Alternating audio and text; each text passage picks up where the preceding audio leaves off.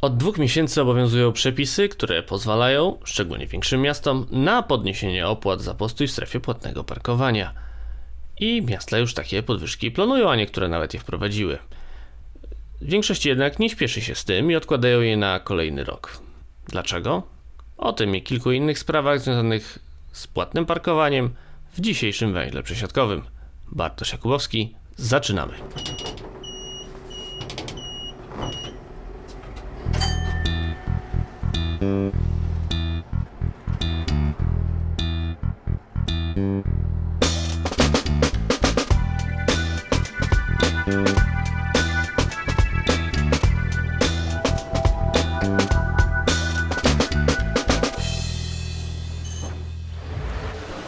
Uwaga, frajerzy, mam ważny komunikat. Do kogo należy czarna Alfa Romeo, która blokuje wjazd na mojej fury? Do kolegi. I do mnie.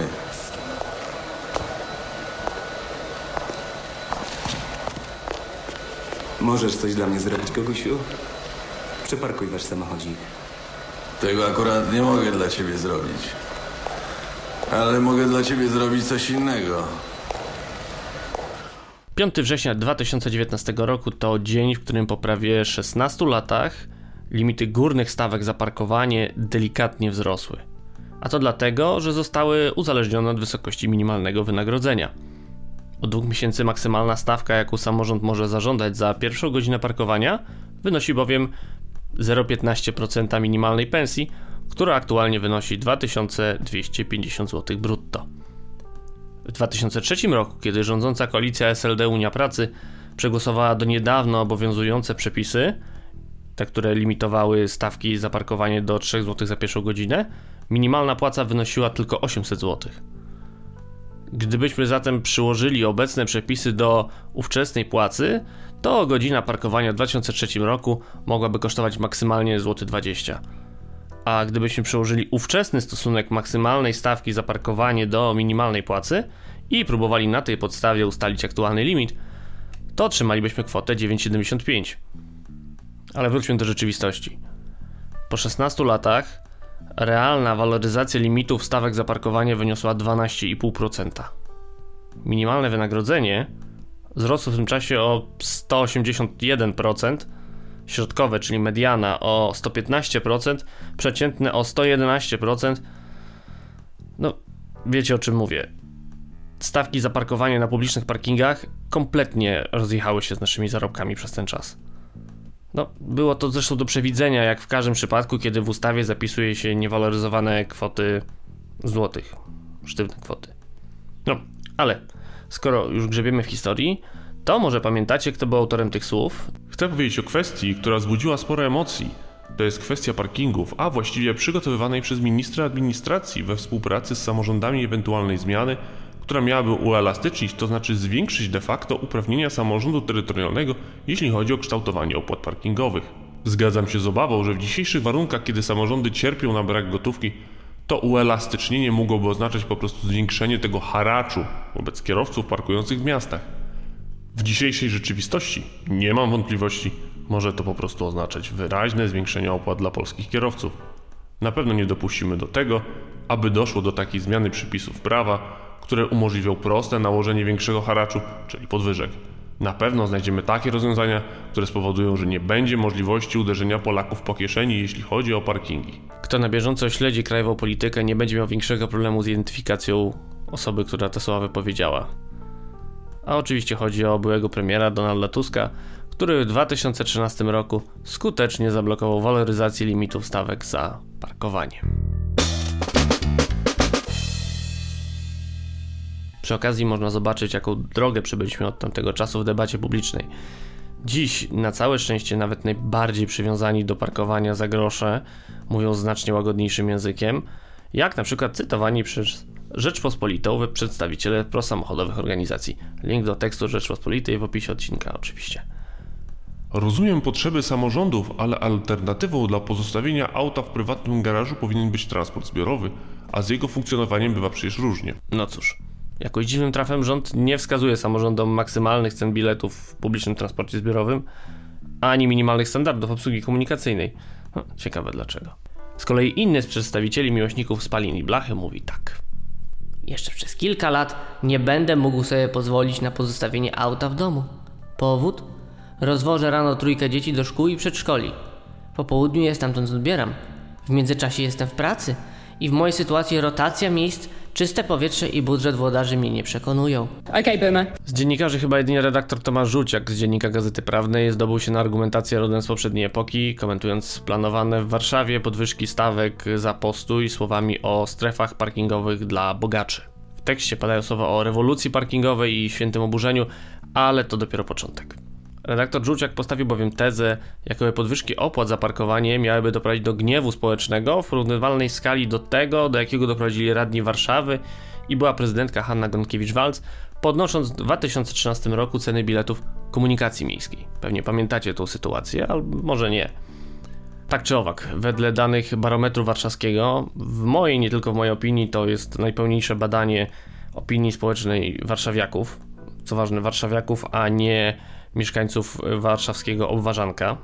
Jesienią 2013 roku 52% mieszkańców Warszawy codziennie korzystało z komunikacji miejskiej. Z samochodów jako kierowcy i pasażerowie łącznie 39%. Jedynie 10% w ogóle nie korzystało z komunikacji miejskiej, a prawie połowa w ogóle nie kierowała samochodem. Dziś, to cytuję najnowsze badania barometru warszawskiego, jest podobnie, z tą różnicą, że codziennie użytkownicy samochodu to już tylko 28%. A przez ostatnie 6 lat nawet taki koronny postulat w branży transportu, jakim przez lata była budowa obwodnic, ustąpił na rzecz rozbudowy sieci metra w tym badaniu, barometrze warszawskim. I no, wydaje mi się oczywiste, że w takiej sytuacji można powiedzieć, że warszawiacy nie wyobrażają sobie życia bez transportu publicznego, e, ale połowa z nich w ogóle nie prowadzi samochodu. A jedna trzecia w ogóle z niego nie korzysta, nawet jako pasażerowie. Oczywiście Warszawa to nie jest cała Polska i w Polsce udział ruchu indywidualnego ogółem jest dużo większy, ale wróćmy do meritum sprawy. Redaktor Żółciak twierdzi, że podwyżka opłat za parkowanie sprawi, że strefy płatnego parkowania będą strefami dla bogaczy. Stawki za parkowanie stolicy osiągnęły poprzedni ustawowy limit w 2008 roku, ten limit z 2003 roku. Od tego czasu średnia warszawska pensja wzrosła nominalnie o ponad 42%. Wzrost cen biletów, który kosztował Hanna Gronkiewicz-Walc utratę mandatu społecznego, no bo wyniki referendum z 2013 roku, choć nie wiążące niewątpliwie na to wskazują, wyniósł 70% w przypadku biletu 20-minutowego, ten wzrost 2013 roku, 57% w przypadku jednorazowego i 41% w przypadku biletu miesięcznego. Więc zwróćmy uwagę, że wtedy wzrost cen biletów na komunikację miejską był naprawdę drastyczny. Wreszcie, ostatecznym argumentem przeciw podwyżkom ma być dyskryminacja w domyśle tej biedniejszej części społeczeństwa. No, o tym, że nie może być mowy o żadnej dyskryminacji, już dostatecznie chyba wyjaśniłem na początku tego odcinka, pokazując, jak stawki za parkowanie rozjechały się z tym minimalnym wynagrodzeniem. Ale, ale. Obiecałem, że wyjaśnię, dlaczego podwyżki stawek parkingowych mają być dopiero od przyszłego roku. No cóż, sprawa jest bardzo prosta i powiązana właśnie z tym minimalnym wynagrodzeniem, bo od nowego roku ta minimalna pensja będzie wynosić już 2600 zł brutto, a zatem górny limit opłaty za pierwszą godzinę parkowania wzrośnie do 3,90 zł groszy. Czyli przez 16 lat nadal będzie to wzrost o tylko 30%. Przecież mówimy tylko o podstawowych stawkach za parkowanie, a nie o tym nowym, jakim jest śródmiejska strefa płatnego parkowania. Górny limit stawek w takiej strefie to trzykrotność limitu zwykłego, czyli będzie to 0,45% minimalnego wynagrodzenia. Dodatkowe opłaty będzie można pobierać również w soboty i niedzielę i to przez całą dobę. No, niestety jest to przywilej dostępny tylko dla miast powyżej 100 tysięcy mieszkańców, na co zwracał uwagę m.in. prezydent Sopotu na tegorocznym kongresie Smart Metropolia. Z drugiej strony ten sam prezydent Sopotu oferuje swoim mieszkańcom w tej nowej uchwale dotyczącej stawek za parkowanie przyszłego roku, abonamenty w cenie 5 zł miesięcznie. Jak widzicie, zatem skala zmian w przepisach dotyczących parkowania nie jest rewolucyjna, jak niektórym komentatorom się wydaje. Nadal mniejsze miasta nie będą mogły pobierać opłat w niewolne, co oczywiście najbardziej boli włodarzy miejscowości atrakcyjnych turystycznie.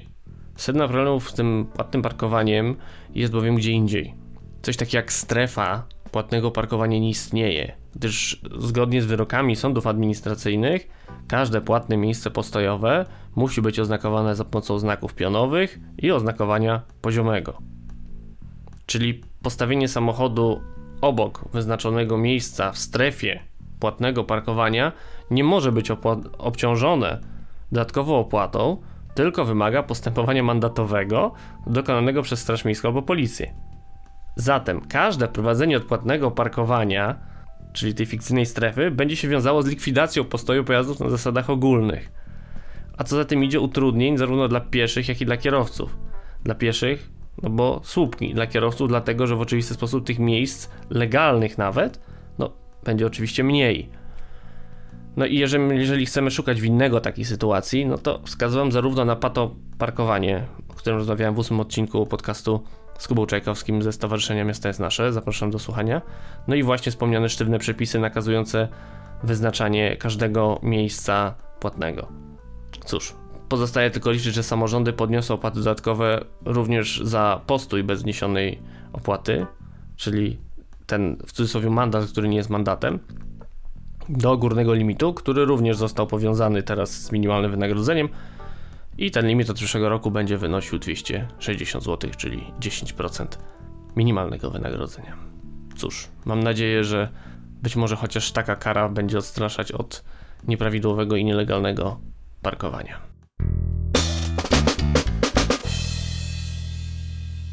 W temacie tego odcinka to już wszystko. Pozostaje mi jedynie rozstrzygnąć konkurs odcinka przedurlopowego. Książka Nie zdąży Olgi Gitkiewicz wraz z dedykacją autorki powędruje do Arka, który jako pierwszy udzielił poprawnej odpowiedzi na pytania o dotychczasowych gości podcastu. A już niebawem w podcaście oczywiście nowe tematy i nowi goście. Wszystkim dziękuję za udział w konkursie i zapraszam do regularnego słuchania węzła. Przy okazji chciałem podziękować wszystkim patronom, a w szczególności Piero, Pawłowi Zegartowskiemu i Pawłowi Szczurowi. Jeżeli chcecie dołączyć do grona patronów, zapraszam serdecznie na patronite.pl przesiadkowy lub na patreon.com przesiadkowy. Na dziś to wszystko. Do usłyszenia.